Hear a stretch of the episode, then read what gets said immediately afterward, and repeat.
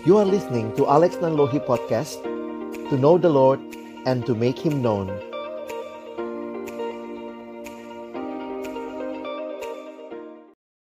Mari kita berdoa sebelum membaca merenungkan firman Tuhan Bapa di dalam surga, kembali kami bersyukur untuk cinta kasih dan nugerahmu bagi kami. Tiba waktunya bagi kami untuk membuka firman-Mu. Kami mohon ya Tuhan, bukalah juga hati kami. Jadikanlah hati kami seperti tanah yang baik. Supaya ketika benih firman Tuhan ditaburkan, boleh sungguh-sungguh berakar, bertumbuh, dan juga berbuah nyata di dalam hidup kami.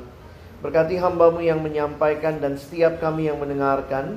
Tuhan, tolonglah kami semua agar kami bukan hanya jadi pendengar-pendengar firman yang setia, tapi mampukan dengan kuasa dari rohmu yang kudus, kami dimampukan menjadi pelaku-pelaku firman-Mu di dalam hidup kami, di dalam masa muda kami. Bersabdalah ya Tuhan, kami umatmu sedia mendengarnya dalam satu nama yang kudus, nama yang berkuasa, nama Tuhan kami Yesus Kristus. Kami menyerahkan pemberitaan firman-Mu. Amin. Shalom. Selamat malam teman-teman sekalian. Bersyukur boleh ketemu lagi dan kita sama-sama akan belajar kebenaran firman Tuhan yang hari ini kita ambil dari bagian uh, Yohanes pasal yang ke-15. Saya lupa tulis di situ ya. Yohanes pasal yang ke-15 di dalam ayat yang pertama sampai dengan ayat yang ke-8.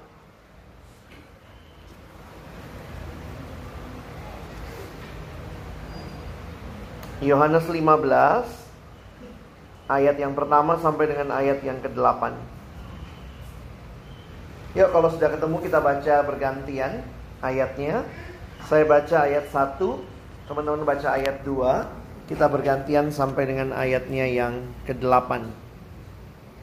Akulah pokok anggur yang benar dan Bapakulah pengusahanya. Setiap ranting padaku yang tidak berbuah dipotongnya dan setiap ranting yang berbuah dibersihkannya supaya ia lebih banyak berbuah. Kamu memang sudah bersih karena firman yang telah kukatakan kepadamu.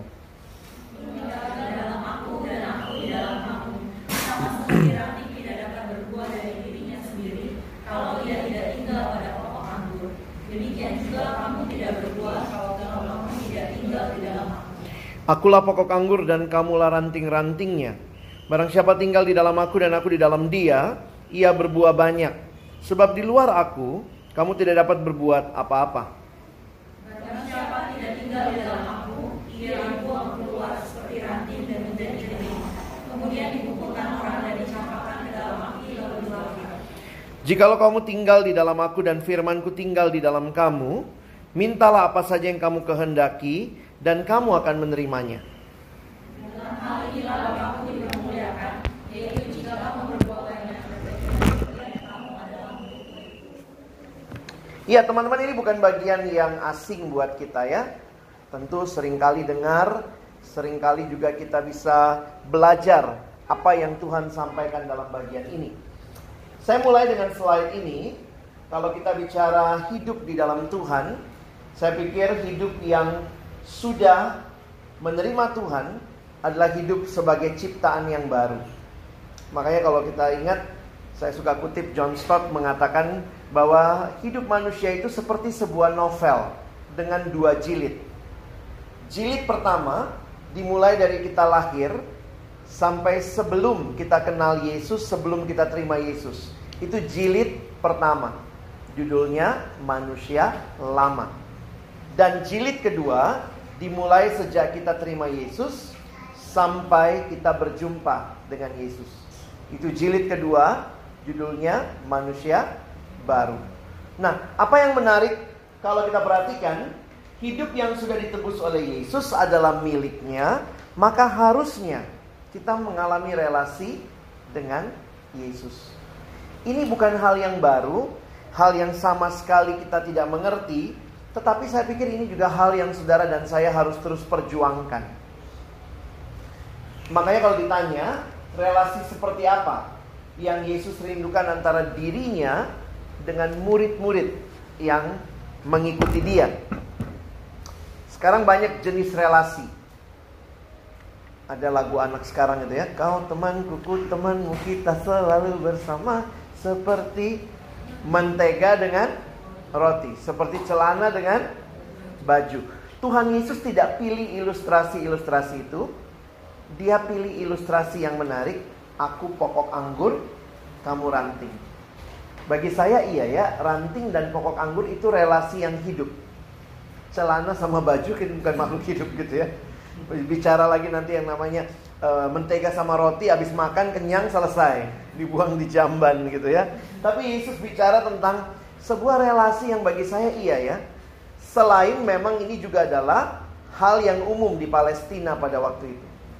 Paling banyak kebun anggur. Jadi waktu Yesus lewat bersama murid-muridnya, itu juga jadi alat pengajarannya. Seperti apa relasi antara dia dan muridnya? Seperti yang kita baca tadi ya. Yohanes 15 ayat 1 sampai ayat yang ke-8.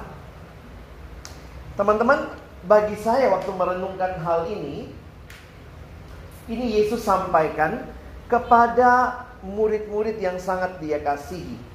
Kalau teman-teman lihat konteks sebentar, Yohanes ini berbeda dengan Injil yang lain. Makanya kalau teman-teman perhatikan Yohanes itu tidak disebut Injil sinoptik. Tiga Injil, Matius, Markus, Lukas, itu Injil sinoptik karena sangat mirip satu sama lain, termasuk dalam hal urutan. Tetapi Injil Yohanes punya pola urutan yang berbeda. Contohnya, urutannya begini. Bagian awal itu public lecture. Yesus mengajar di depan publik. Tapi mulai pasal 13 itu private lecture. Atau biasa disebut private discourse. Jadi mulai pasal 13 itu Yesus perjamuan malam sama muridnya. Lalu Yohanes mencatat akhirnya Yesus berjalan bersama murid-muridnya menuju ke taman Getsemani. Di taman Getsemani Yesus berdoa. Di Injil lain dicatat doanya cuma tiga kali kalau engkau mau cawan ini lalu gitu ya. Tapi waktu baca Injil Yohanes ternyata doanya panjang. Yohanes 17. Nah, termasuk dalam perjalanan ke Getsemani ini banyak penafsir yang mengatakan Yesus menceritakan perumpamaan ini. Saya mulai dengan memberikan penjelasan ini sebentar ya. Seorang bernama Nicky Gamble menulis sebuah buku dan kalimatnya bagi saya menarik. Kita baca sama-sama ya, satu dua ya. Pria dan wanita diciptakan tanpa hubungan tersebut akan selalu ada rasa lapar, Menarik sekali memperhatikan bahwa Tuhan yang menciptakan kita punya kerinduan berelasi dengan kita. Saya pikir karena itulah kita disebut sebagai makhluk sosial, makhluk yang relasional, itu bukan semata-mata teori sosiologi. Itu Alkitab. Allah yang menciptakan kita adalah Allah yang adalah pribadi yang berelasi. Di dalam ketritunggalan Bapa mengasihi anak, anak mengasihi Bapa, Bapa mengasihi Roh Kudus, Roh Kudus mengasihi anak, anak mengasihi Roh Kudus dan demikian ada relasi yang indah. Dan karena kita gambar Allah, maka apa yang menjadi pola itu juga yang teman-teman dan saya alami. Allah kita Allah yang berelasi, kita adalah makhluk yang relasional. Dan menarik dikatakan selalu kita butuh Tuhan. Jadi pertanyaan begini ya. Ini pertanyaan agak teologis nih. Allah menciptakan manusia untuk siapa? First time, waktu Tuhan ciptakan kita, dia ciptakan kita untuk siapa? Kita bukan makhluk yang dicipta untuk diri kita sendiri. You are not even created for others. But the first and um, yeah, the most foundational thing in our life, we are created for our God. Jadi kita dicipta untuk Allah, maka kita hanya mungkin mengalami kepuasan sejati dalam relasi dengan Allah. Nah, kalimat ini menarik. Dua relasi atau dua hal dalam relasi yang manusia selalu rindukan. Pertama, manusia merindukan hubungan yang dapat memuaskan. Tapi yang kedua, kita merindukan hubungan yang tidak bisa selesai. Kita mau hubungan yang terus-menerus. Nah, Nicky Gamble menyimpulkannya begini. Tidak ada satupun hubungan manusia yang dapat memuaskan, yang dapat terus bertahan. Kenapa kita kalau nonton film atau bukan film aja lah ya, kita senang kalau happy ending. Kayak kita tuh udah design for and they live happily ever after. si Nicky Gamble mengatakan semua yang kita desire dalam dunia ini hanyalah menegaskan kita ini makhluk yang dicipta oleh Allah yang satu-satunya bisa memuaskan kita dan bisa terus bertahan. Ada yang punya pasangan, suami atau istri yang tidak bisa mati? Semua relasi manusia ada batasnya. Tapi kita dicipta untuk relasi yang tiada batas. Karena itu kita mesti ingat, yang bisa memberikan relasi tiada batas itu cuma Allah yang kekal. Kita ada yang orang tuanya nggak bisa meninggal, nggak bisa mati, nggak bisa. Semua ada batasnya. Yang terbatas memuaskan yang terbatas selalu ada batasnya. Tetapi yang tidak terbatas memuaskan yang terbatas tetap tidak ada batasnya. Jadi waktu saya melihat Yesus memberikan gambaran ini, bagi saya Yesus hit the most important thing yang saudara dan saya butuh. Saya jujur aja tidak mengkaitkan ayat ini dengan keselamatan. Karena nampaknya ayat ini bukan bicara keselamatannya, tetapi bicara kebergantungan penuh kepada Tuhan. Memang ada yang bilang, wih ada neraka di situ bang. Bukankah nanti mereka dipotong lalu dicampakkan di dalam api lalu dibakar. Oh itu neraka. Ya itu, ya kadang-kadang banyak orang bukan teologi ya, cocokologi. Cocok-cocokin gitu. Kayak pas nih neraka. Kenapa? Yesus lagi bicara kepada private. Siapa itu? Murid-murid. Dan menarik, Yohanes 13, Yudas sudah ninggalin. Jadi siapa yang terima pengajaran Yohanes 15 hanya kemungkinan 11 murid yang ikut Yesus ke taman Getsemani. Jadi ini cara menafsir ya. Nah, karena itu saya ingin melihat mengangkat tiga hakikat yang teman-teman dan saya harus ingat lagi ini bukan hal yang baru kok. Tapi saya pikir harus kita ingat kembali. Hakikat Oh sorry ya. Nah, ini kesimpulannya. Jadi memang hidup yang berarti itu kalau punya hubungan dengan Allah. Karena kita paling kelop waktu berjumpa dengan Allah ya. Nah, saya akan masuk tiga hakikat yang kita sama-sama akan pikirkan. Yang pertama dari ayat-ayat yang kita baca, kita belajar hakikat Allah. Allah sumber segala sesuatu. Ada dua istilah yang dipakai di situ. Bapakku pengusaha, tapi Yesus adalah pokok anggur. Nah menarik kalau teman-teman perhatikan di perjanjian lama, gambaran kebun anggur itu adalah gambaran Israel. Jadi Israel di perjanjian lama sering kali disebut sebagai kebun anggur milik Allah. Nah, yang menarik memperhatikan ketika Yesus bicara, "Akulah pokok anggur, Bapakulah pengusaha," dan dia bicara yang kedua, hakikat manusia. Kamu ranting-rantingnya. Saya pikir kita perlu tahu diri ya, siapa yang ranting, siapa yang pokok anggur. Kadang-kadang yang pokok anggur ini humble, rantingnya yang sombong. Dan ini bukan hal yang bukan hal yang baru lah ya.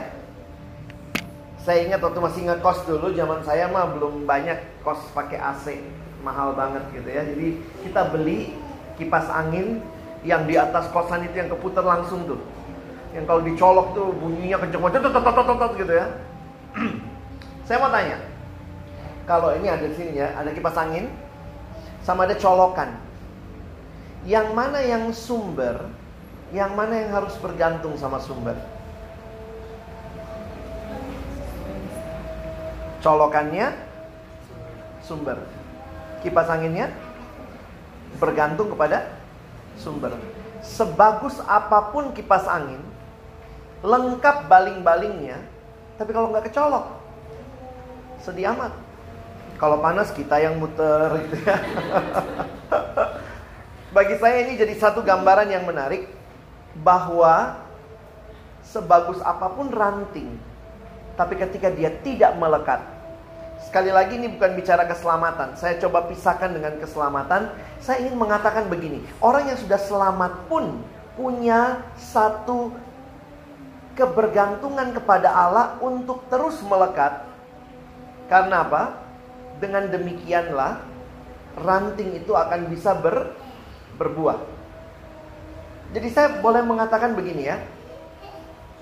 Teman-teman dan saya yang sudah diselamatkan, kualitas tinggal dalam Kristus itu akan memastikan kamu berbuahnya lebat atau tidak. Jadi ini bicara keselamatan yang dinyatakan. Bukan berarti kalau kamu tidak melakukan lalu tidak selamat. Saya pikir kekristenan tidak mengajarkan keselamatan karena perbuatan. Tetapi kekristenan mengajarkan bahwa di dalam kebergantungan kita kepada Allah, maka apa yang jadi tujuan Allah buat kita akan tergenapi. Nanti kita bisa lihat beberapa ayat tentang itu ya. Saya coba lanjutkan lebih jauh. Kalau hakikat Allah sumber, manusia bergantung sama sumber. Pertanyaannya, gimana caranya supaya kekuatan dari colokan bisa ngalir ke kipas angin? Butuh apa? Ka? Kabel. Orang Kristen kabelnya apa? Ayat 7. Coba lihat. Baca lagi sama-sama ya. Satu, dua, iya. Jadi kalau kamu tinggal di dalam aku,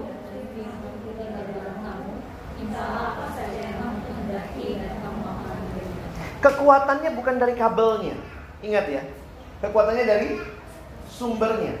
Tetapi supaya kekuatan itu dialami, nah ini hakikat ketiga. Hakikat firman Tuhan dan doa itu saya sebut sebagai alat kasih karunia. Betul Tuhan sumber segala-galanya. Betul saya harus bergantung sama dia. Tapi kalau saya nggak pernah baca Alkitab, dari mana saya dapat kekuatan? Kalau saya nggak pernah berdoa. Jadi ini jadi satu apa ya? Dulu waktu saya masih SMA, kepengaruh ajaran aneh-aneh. Pokoknya Yohanes 15 ayat 7b. Minta apa saja, pasti Tuhan kasih. Klaim dalam nama Yesus. Eh nggak dapat juga. Kenapa? Lupa ada 7A. 7A-nya if close lagi. Jikalau kamu tinggal dalam aku, firmanku tinggal dalam kamu baru minta. Kenapa kita mintanya suka aneh-aneh? Karena nggak tinggal dalam firman. Tuhan mudah-mudahan dokternya sakit. Tuhan mudah-mudahan hari ini nggak jadi ujian. Tuhan mudah-mudahan hari ini jalanannya macet. Tuhan hari ini udah telat dari rumah. Tuhan mudah-mudahan jalanannya lancar. Kita mintanya suka aneh-aneh. Ternyata sama ya di mana-mana manusia berdosa selalu maunya empang, enak dan gampang. Anak sekarang juga begitu. Belajarnya nggak mau rumit. Belajar pun pakai sistem ekonomi. Belajar sesedikit-sedikitnya, nilai setinggi-tingginya. Maunya sih begitu ya. Tanpa usah tidak usah kerja keras, buahnya banyak. Jadi saya makin melihat firman Tuhan dan doa menjadi caranya Tuhan mengalirkan kekuatannya kepada kita. Jangan lupa, jangan dibalik. Bukan firman Tuhan dan doa kekuatannya. Tapi itu alat yang Tuhan pilih untuk menyalurkan kekuatannya kepada kita. Jadi saya harap teman-teman, karena begini loh, kadang-kadang saat teduh jadi sesuatu yang membebani ketika itu dilihat sebagai kewajiban belaka. Mesti saat teduh nih. Kenapa? Nanti ketemu kakak kelompok kecil, kakak KTB dibilang nggak. Bagaimana kelompok saat teduhmu? Kan nggak enak. Gimana saat teduhmu? teduh bang, teduh. Ini bicara tentang kita butuh Tuhan dan Tuhan menyediakan diri, tapi kalau kita tidak pernah ambil, tidak pernah menikmatinya, samalah kita bisa punya koleksi obat. Mama saya asisten apoteker. Dan asisten apoteker selalu merasa lebih pintar dari dokter. Karena semua resep dia udah lihat. Dari zaman dulu, jadi saya dulu kalau kecilnya tuh sakit, pasti obat dari mama dulu. Eh dokter ini bagus nih, sirupnya campuran ini dia udah tahu. Yang ini bagus nih. Nanti kalau udah nggak sembuh baru ke dokter. Sampai teman saya, eh, teman mama saya dokter bilang gini, hmm, tunggu anak lu mati baru bawa ya. Ini mama saya tuh semua begitu ya. Tapi saya ingat satu kali dia campurin puyer waktu masih kecil.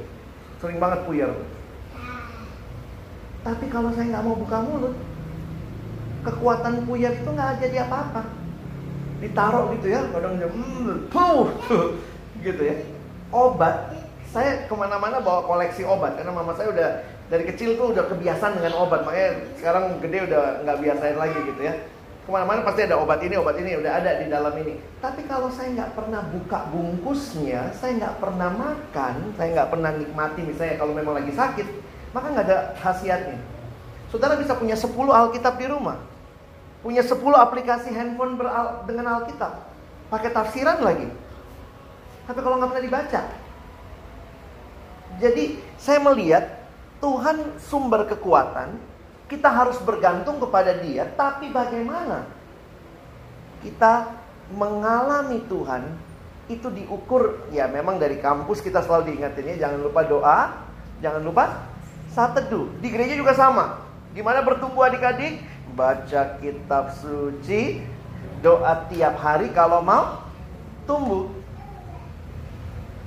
Coba lihat dari lagu itu aja. Gimana kualitas pertumbuhan kita? Jangan-jangan lagu kita udah ganti. Tidak baca kitab suci, tidak doa tiap hari, tidak bertumbuh. Mau pakai gaya? Tidak bertumbuh. Kadang-kadang itu simple. Tetapi belum tentu kita lakukan. Ada lagi yang nanya sama saya, mesti setiap hari kah bang? Dia bilang saya masalah dia begini. Aku baca Alkitab pernah, doa pernah. Masalahku di lagu itu cuma tiap harinya. Baca kitab suci, doa. Doanya tiap hari. Nah teman-teman waktu saya merenungkan ini, saya jadi ingat gambar ini ya. Saya sering kali pakai gambar ini untuk mengingatkan kita. Ini disebut ilustrasi roda. Dibuat oleh seorang bernama Dawson Trotman dia pendiri, salah satu pendiri dari pelayanan para navigator. Nah, dosen Trotman membuat gambar ini dengan mengingatkan kita bahwa di pusat hidup, eh sorry, di pusat hidup itu ada Kristus. Kristus harus jadi pusat hidup kita. Lalu dia menggambarkan, ini roda kan? Roda itu yang muter apanya sih? Gitu ya. Nah teman-teman roda yang muter itu cukup Roda itu yang muter porosnya Jadi kalau di poros hidup ada Kristus Maka itu berputarlah hidup kita kira-kira gitu ya Lalu dihubungkan dengan dua jari-jari Satu yang vertikal Mewakili hubungan dengan Allah Satu yang horizontal Nah, dia menggambarkan yang hubungan horizontal eh, vertikal dengan Allah. Saya bicara kepada Allah namanya doa. Allah bicara kepada saya melalui firman. Dan dia bagi dua, relasi dengan sesama. Ke dalam sesama orang percaya kita harus rajin bersekutu. Dan bagi orang-orang yang belum percaya, kehadiran kita untuk bersaksi. Jadi memang menarik ya kalau kita perhatikan lingkaran ini memberikan gambaran menyeluruh tentang hidup Kristen. Makanya rata-rata bahan kelompok kecil kita di kampus selalu akan dimulai dengan sudah terima Yesus belum? Bab berikutnya doa, bab berikutnya firman, PA, bab berikutnya gereja, mesti rajin bersekutu. Bab berikutnya, memberitakan kabar baik, itu udah begitulah polanya. Kenapa? Karena ini menggambarkan basic Christian life. Makanya lagunya mesti ditambah kali ya. Baca kitab suci, doa tiap hari, rajin bersekutu, dan giat bersaksi. Biar mencakup. Nanti anak-anak kita cuma nyanyinya baca kitab suci, doa tiap hari. Tapi dia pikir kalau gitu di rumah aja cukup ya, nggak usah persekutuan kan bisa bertumbuh ya. Nah perhatikan nih gambarannya.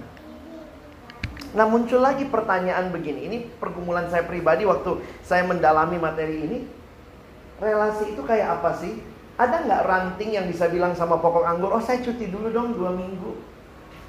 Sebenarnya memang kalau terpisah untuk sementara kelihatan hidup. Tapi sebenarnya begitu terpisah udah mati.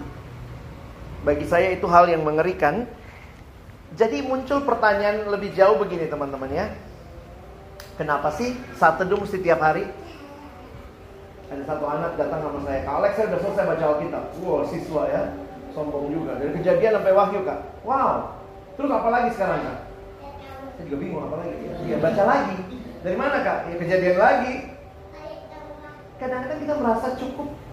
I've been through. Saya udah pernah saat teduh. Saya waktu di kampus pernah aktif. Saya dulu di gereja pernah. Tapi jangan hidup dalam nostalgia kerohanian. Kerohanian itu bukan masalah pernah dulu. But how about now?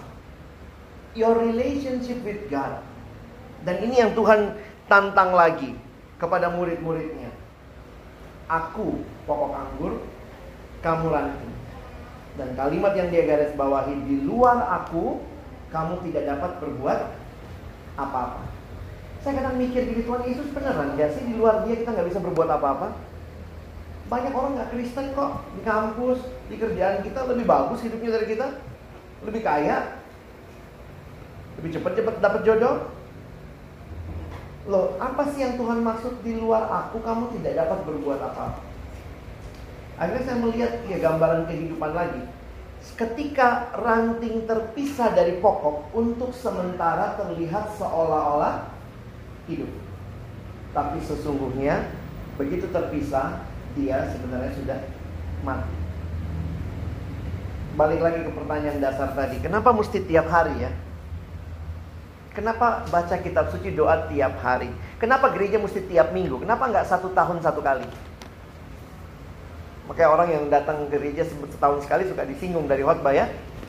Kapal selam, Kristen napas, Natal, Pasca. Jadi bergumul juga. Nah, nah saya dapat jawabannya dalam satu buku. Kenapa disiplin itu penting?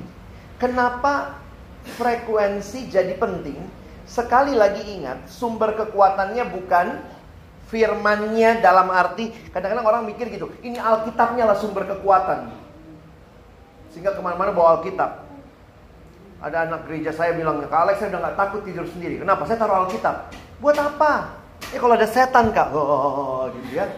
Itu cara dia menghayati. Saya bilang kebanyakan nonton film Hollywood kamu. Kekuatannya tuh bukan dari fisik Alkitabnya. Kita memang Kristen suka simbolisasi banget ya. Rasanya kalau udah punya Alkitab besar, setan juga takut. Lah, setan ketawa. Hihihi. Gak usah ditakutin juga lu udah takut sendiri. Kenapa? Buktinya lu takut lu bawa Alkitab gede. Seolah-olah makin gede Alkitab, setan makin takut. Jadi kadang-kadang setan ya mungkin juga nggak tugasnya jadi nggak nggak rumit ya, karena kita udah kemakan ini kita sendiri. Nonton film Hollywood, nanti tikam dadanya sebelah mana. Saya bilang ini kebanyakan nonton film. Alkitab berkata, lawanlah iblis dengan iman yang teguh. Satu Petrus, coba lihat, nanti kalian bilang bohong lagi. Satu Petrus 5. coba teman-teman lihat. Ayat yang ke 9. Saya baca ayat 8 ya. Teman-teman baca ayat 9. Sadarlah dan berjaga-jagalah, lawanmu si iblis berjalan keliling sama seperti singa yang mengaum-ngaum dan mencari orang yang dapat ditelannya. Sepuluh sembilan.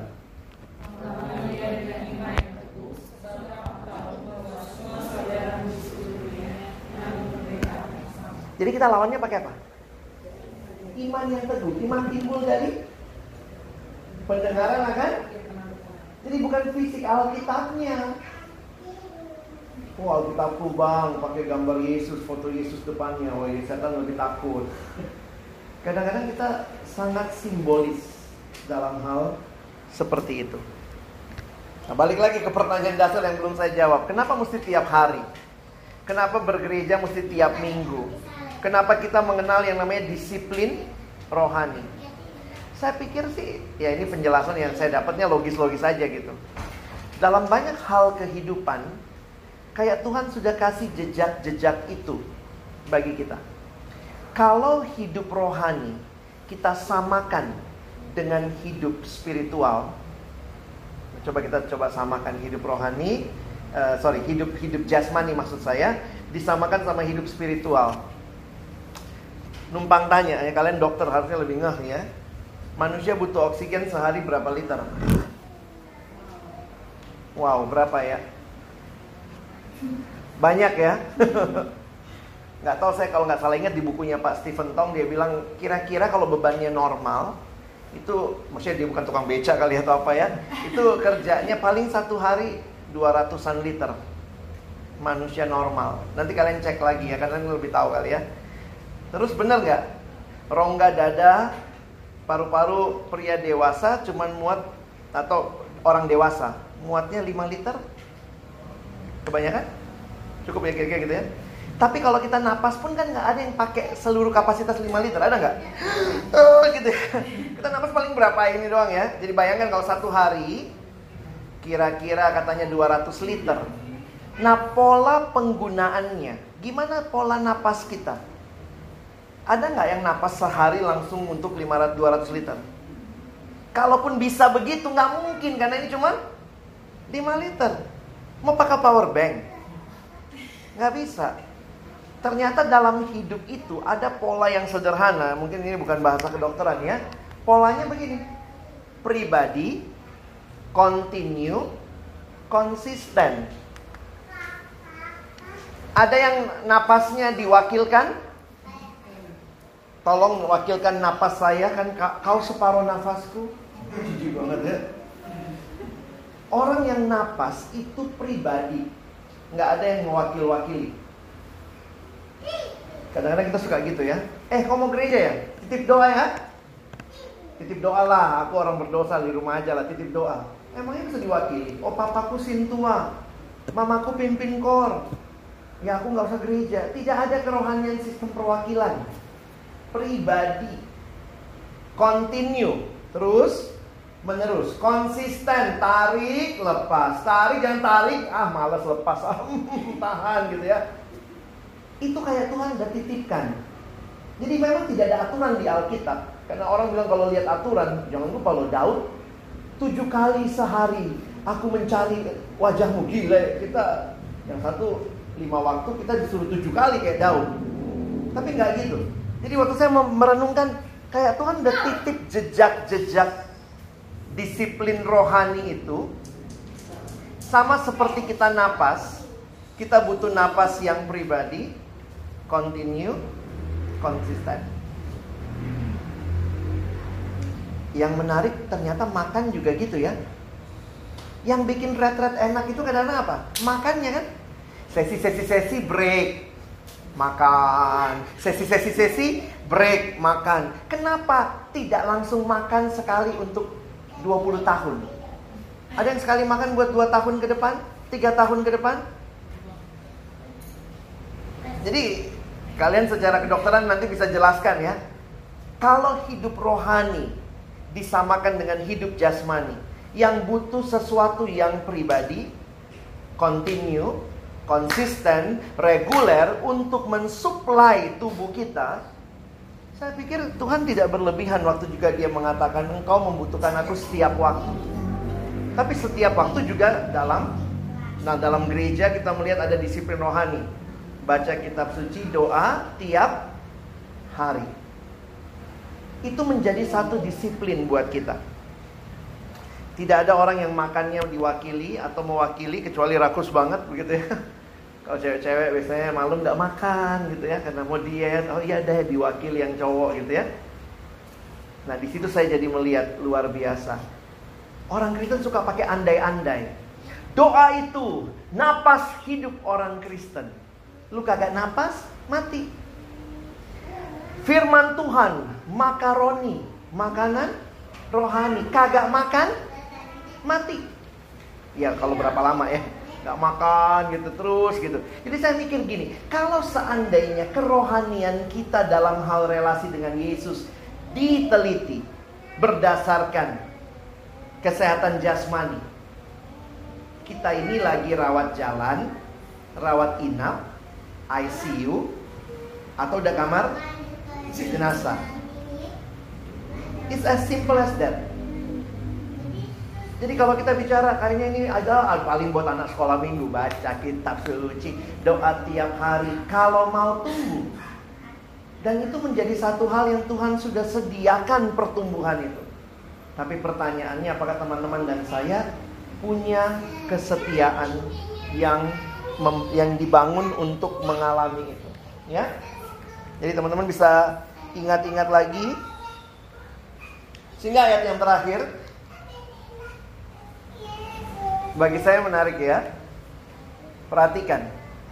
Kamu bertumbuh kalau kamu bertumbuh, salah satu buktinya kamu berbuah. Tapi buah dan pertumbuhan itu hanya mungkin terjadi kalau kamu tinggal di dalam pokok anggur. Jadi, kalau tinggal dalam pokok anggur akhirnya berbuah, buahnya itu karena siapa? Karena ranting atau karena pokok anggur?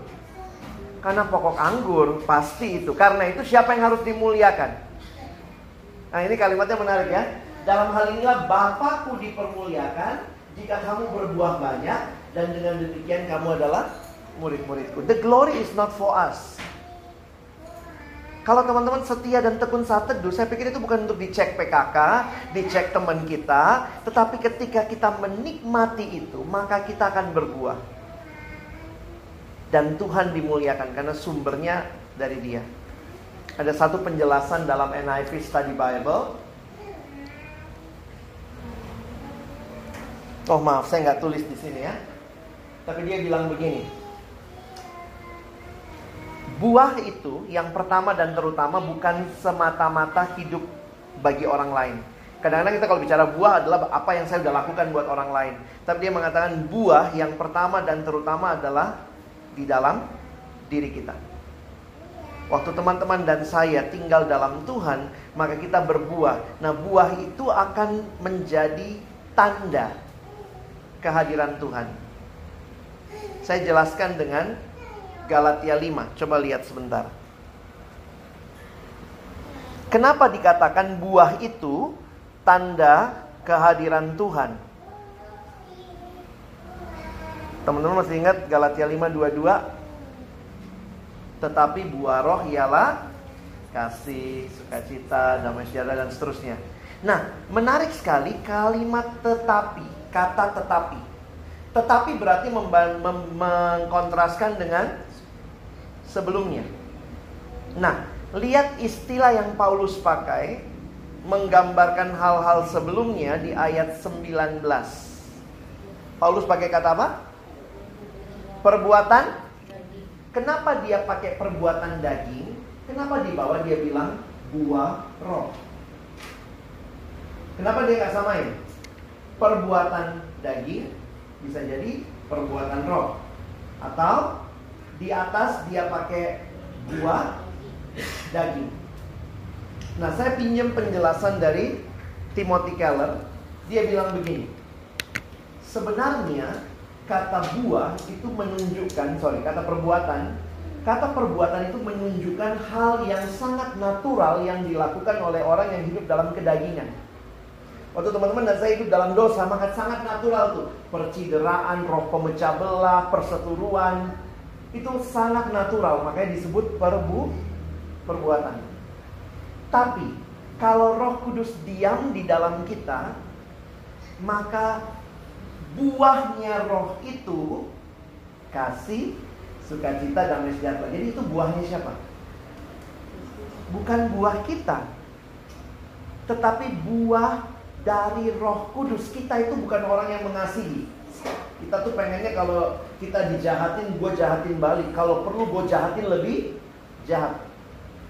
Tapi ketika Roh Kudus diam dalam kita, maka buahnya adalah kasih, sukacita, damai sejahtera. Itu bukan milik kita, bukan produk naturalnya kita, itu produk supranatural kehadiran Roh Kudus dalam diri kita.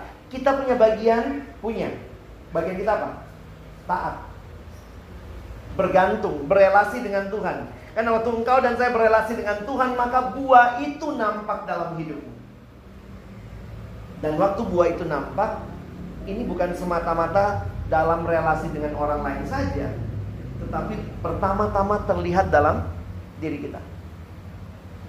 Makanya balik lagi tadi ya. Kita ketahuan murid Kristus. Dengan demikian kamu adalah muridku. Jika apa? Jika berbuah banyak. Dari mana buah banyak? Dari relasi yang tinggal dalam Kristus. Jadi bagi saya ini sangat menolong kita melihat ini bukan hanya bicara tinggal berelasi dengan Tuhan, tetapi sama seperti pohon mencapai tujuannya sebagai pohon dengan berbuah, itu hanya mungkin kalau dia tinggal. Dan kalau kita orang Kristen, harusnya juga menjadi orang yang punya buah yang nyata dalam hidup kita. Kuncinya tinggal dalam Kristus. Karena itu ayat ini saya ulangi lagi ya. Di luar aku, kamu tidak dapat berbuat apa-apa. Saya pikir ini perenungan yang bukan hal yang baru, tapi saya harap malam ini Tuhan ingatkan kita lagi untuk kembali mengevaluasi ketika engkau dan saya tidak berbuah. Kok gue makin pemarah ya? Kok gue bukannya makin sabar ya? Jangan-jangan masalahnya ini bukan masalah keselamatannya kan? Tapi ketika kita sudah diselamatkan, kita sedang bergantung nggak sama Tuhan supaya buah itu nampak. Dan Yesus berkata supaya buahmu itu tinggal tetap. Sampai kapan sih kita belajar mengasihi? Seumur hidup. Kalau gitu, kita mesti bergantung sama Tuhan sampai kapan? Seumur hidup. Tidak ada dari kita yang sudah spesialis dalam hal saat teduh. Nggak ada kita yang sudah selesai baca Alkitab sekali. Ya apa yang dilakukan baca lagi. Nggak ada yang sudah selesai. Jadi jangan hidup dalam nostalgia kerohanian ya. Teruslah nikmati kesegaran dengan Tuhan. Saya tutup dengan satu ilustrasi pengalaman ketika di, kantor dulu. Ada satu adik staff, mungkin karena dia masih muda, belum menikah, cewek ngekos, kesepian, pelihara ikan emas di kosan. Pelihara ikan emas beberapa ekor dalam akuarium kecil. Pagi-pagi dia datang ke kantor. Bang Alex, Bang Alex, kenapa? Ih, tadi malam bang, ikan mas saya bunuh diri. Gitu. Jadi ternyata ditemukanlah besokannya ada dua ekor ikan mas, saya nggak dapat gambarnya ya. Dua ekor ikan mas mati di atas karpet. Jadi kan anak kosan ikan masnya lompat gitu ya. Kita membahas-bahas oh mungkin ini ikan yang nggak disetujui cintanya oleh orang tua. Ya mereka berdua lompat gitu ya. Tapi setelah kita bercanda-bercanda akhirnya kita punya kesimpulan agak sedikit bermakna ya ikan itu paling butuh air. Walaupun mungkin dia ikan yang lahir di zaman reformasi. Dia merasa, oh saya ikan reformasi, saya nggak butuh air. Begitu dia lompat keluar dari air, dia MPP, mati pelan-pelan. Mungkin waktu baru keluar dari air masih ada begitu ya, masih sebentar gitu ya. Tapi nanti berapa menit, pelan-pelan dia habis dan udahlah. Kita masuk taman makam pahlawan. Bagi saya akhirnya saya menyadari begini. Manusia ini kita paling butuh apa sih? Kita bilang saya butuhnya uang, saya butuhnya ini, saya butuhnya itu. Tapi kita paling butuh Tuhan. Karena Tuhan menciptakan kita bagi diri. Dan Yesus memberikan gambaran yang lebih jelas lagi. Aku mau berelasi dengan kamu. Ingat, aku pokoknya. Kamu rantingnya. Kiranya perenungan ini menolong teman-teman tidak lupa Tuhan. Kalau udah spesialis, udah sibuk, nanti kemudian mungkin yang agak internship, jauh dari mana-mana, kayaknya nggak ada yang ngontrol, kan PKK-nya nggak ikut internship gitu ya. Mungkin yang lagi punya persekutuan yang jarang-jarang, saya nggak tahu teman-teman punya tempat bersekutu nggak yang lain selain ini. Karena mungkin udah sangat sibuk. Pertanyaannya adalah selalu apakah kita sedang bergantung kepada Tuhan atau jangan-jangan kita sedang merasa cukup pada diri kita. Orang yang dewasa rohani ternyata bukan orang yang merasa sudah dewasa secara rohani. Orang yang dewasa rohani adalah orang yang senantiasa sadar, aku belum dewasa secara rohani. Jadi kedewasaan rohani itu perjalanan seumur hidup. Kedewasaan rohani bukan tujuan, maturity in our Christian life is not a destination, but maturity is a journey towards Christ ya, menuju kepada keserupaan dengan Kristus. Jangan pernah melihat kerohanian sebagai tahap pencapaian, tapi sebagai hidup yang terus butuh Tuhan. Sama seperti ikan butuh air, teman-teman dan saya butuh Tuhan. Kiranya ini jadi perenungan kita bagi hidup kita ke depan. Udah selesai. Baterainya low dan ini udah slide saya terakhir juga sih. Ada pertanyaan? Nah, ini, slide terakhir.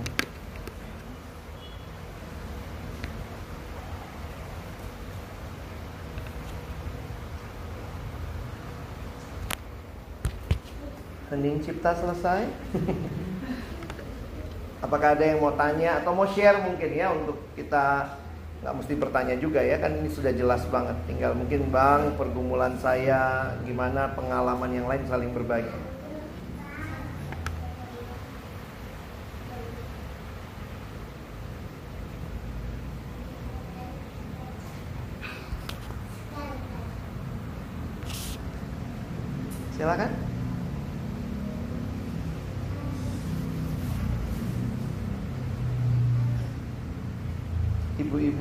Anak dua gimana waktu-waktu berjuang menikmati waktu dengan Tuhan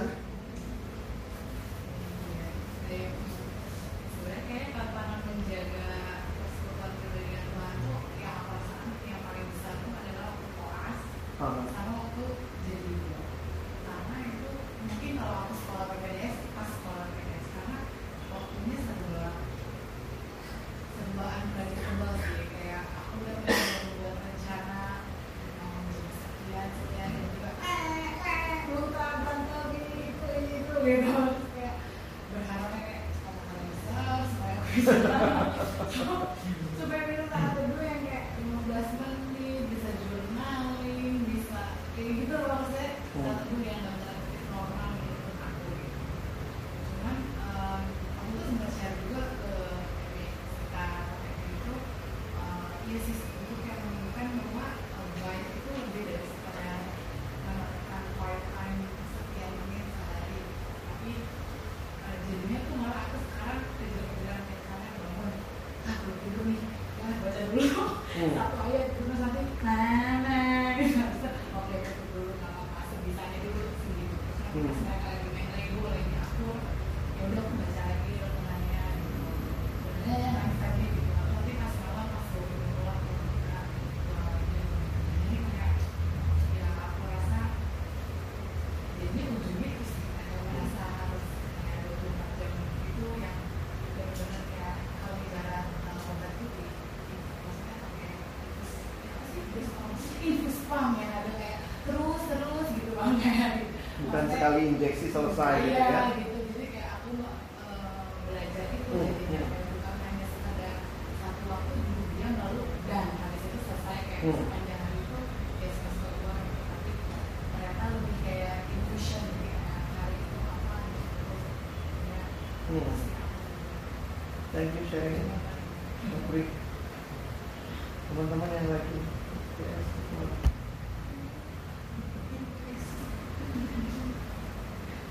Gimana pergumulannya?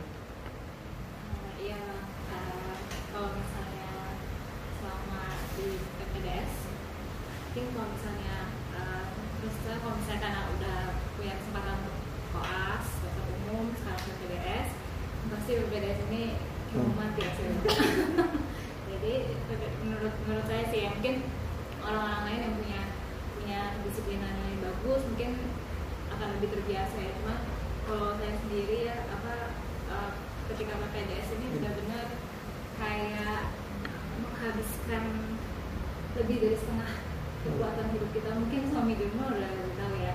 Jadi nyampe di rumah bangun sangat pagi pulang bisa sangat malam di rumah juga eh, di rumah juga em, ya terus terang pekerjaan rumah tangga jadi kurang terurus. Tapi yang pasti pagi-pagi kan kalau saya kan biasanya bangun jam 4 Hmm. terus sebenarnya idealnya adalah uh, saat teduh pagi-pagi gitu tapi ada saja hal-hal di dunia ini yang membuat kita bangun tuh deg-degan ya. Jadi, Hmm. terutama pada stase-stase tertentu kita bangun tuh deg-degan hari ini mau ngapain siapa aja yang mau dilihat hari ini maju jam berapa kayak gitu jadi Hmm.